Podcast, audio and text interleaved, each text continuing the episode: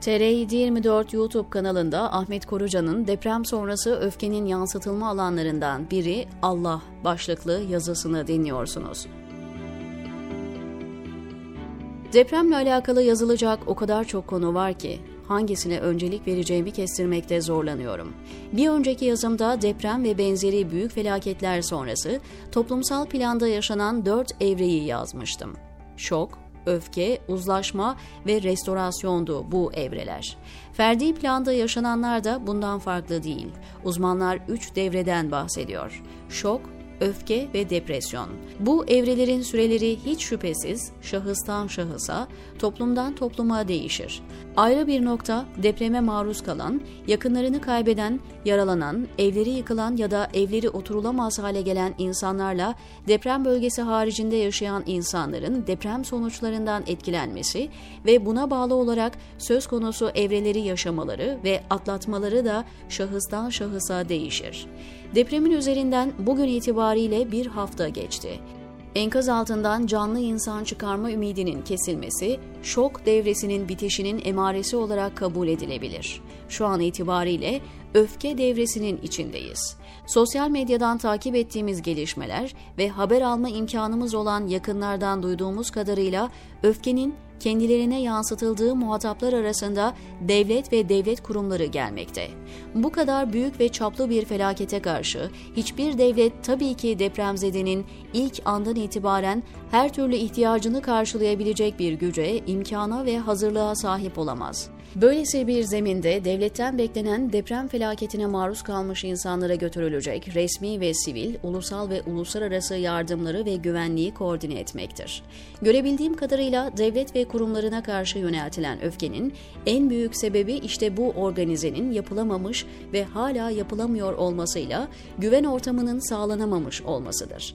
İkinci büyük sebebi ise bu çıplak gerçek, bütün dünyanın gözü önünde inkar edilemez bir vaziyette dururken, devlet yetkililerinin ulaşılamayan yer kalmadı üst başlığıyla aktarabileceğim yalanları gelmektedir. Çok büyük oranda yansımasını görmesem de öfkenin kendisine yansıtıldığı bir diğer muhatap Allah'tır. Depreme anlam verememe, özellikle masum çocuk, kadın, erkek, ihtiyar ve hayvanların bu büyük yıkımda vefat etmeleri veya ömür boyu izlerini taşıyacak yaralanmaları, söz konusu öfkenin şiddet derecesini artıran bir unsur olarak karşımıza çıkmaktadır. Tarihe bu gözle bir yolculuk yapacak olduğumuzda, gerçekten de böylesi büyük felaketlerde insanlar öfkelerini inandıkları yüce yaratıcıya doğru çevirmişler, onun şefkat, merhamet, adalet ve kudretini sorgulayan sorulara cevap aramışlardır. Dolayısıyla büyük çoğunluğu Müslüman olan deprem bölgesi insanlarında var olan öfkenin Allah'a karşı yönelmesi bu tarihi gerçekler açısından bakıldığında şaşırtıcı değil. Bu aşamada yapılması gerekli olan ilk şey hiç şüphesiz yangına körükle gitmemektir. Yangın ortada, körük nedir? Beşeri sorumluları ve sorumlulukları bütünüyle devre dışı bırakarak sorumluluğu Allah'a havale eden söylem ve eylemlerdir. Örnek mi? Bunlar kader planının içerisinde olan şeyler, açıklamaları. Daha depremin ilk günü nice canlı insanların enkaz altından kurtarılmayı beklediği zamanlarda cami minarelerinden sala okumaları, unutmamalı. Zaten mahiyeti tam anlamıyla çoklarımız tarafından bilinmeyen, yanlış anlaşılan, yanlış yorumlanan kader inancını depremde canı yanmış, sevdiklerini kaybetmiş, mal varlığı hak ile yeksan olmuş insanlara karşı ifade edilen bu söylem ve eylemler onları teskin etmiyor. Aksine olmaz olsun böyle kader dedirtiyor. Onun için kendi sorumluluklarını Allah'a havale eden ve tabir caizse suçu Cenab-ı Hakk'ın üzerine atan siyasilerimiz, başta din adamları yoğun bir empati duygusuyla hareket etmeli. Açıklamalarını psikolojik ve pedagojik kriterler içinde yapmalı. Yangına körük metaforu içinde dile getirdiğim söylemlerden uzak durmalı. Yaparlar mı? Hiç zannetmiyorum.'' İktidarlarını tahkim etmenin ötesinde bir şey düşünmeyen, bu büyük felaket zamanında bile siyaset yapmaktan utanmayan, sıkılmayan insanların bunu yapacağına ihtimal vermiyorum ama tarihe not düşmek için bu satırları buraya bırakayım. Bu öfke döneminde dile getirilen bir başka söylemde Allah'ın cezası tabiridir. Size ilginç gelebilir ama Adapazarı ve Van depreminden sonra sahada yapılan çalışmalarda karşımıza çıkan bir sonuç var.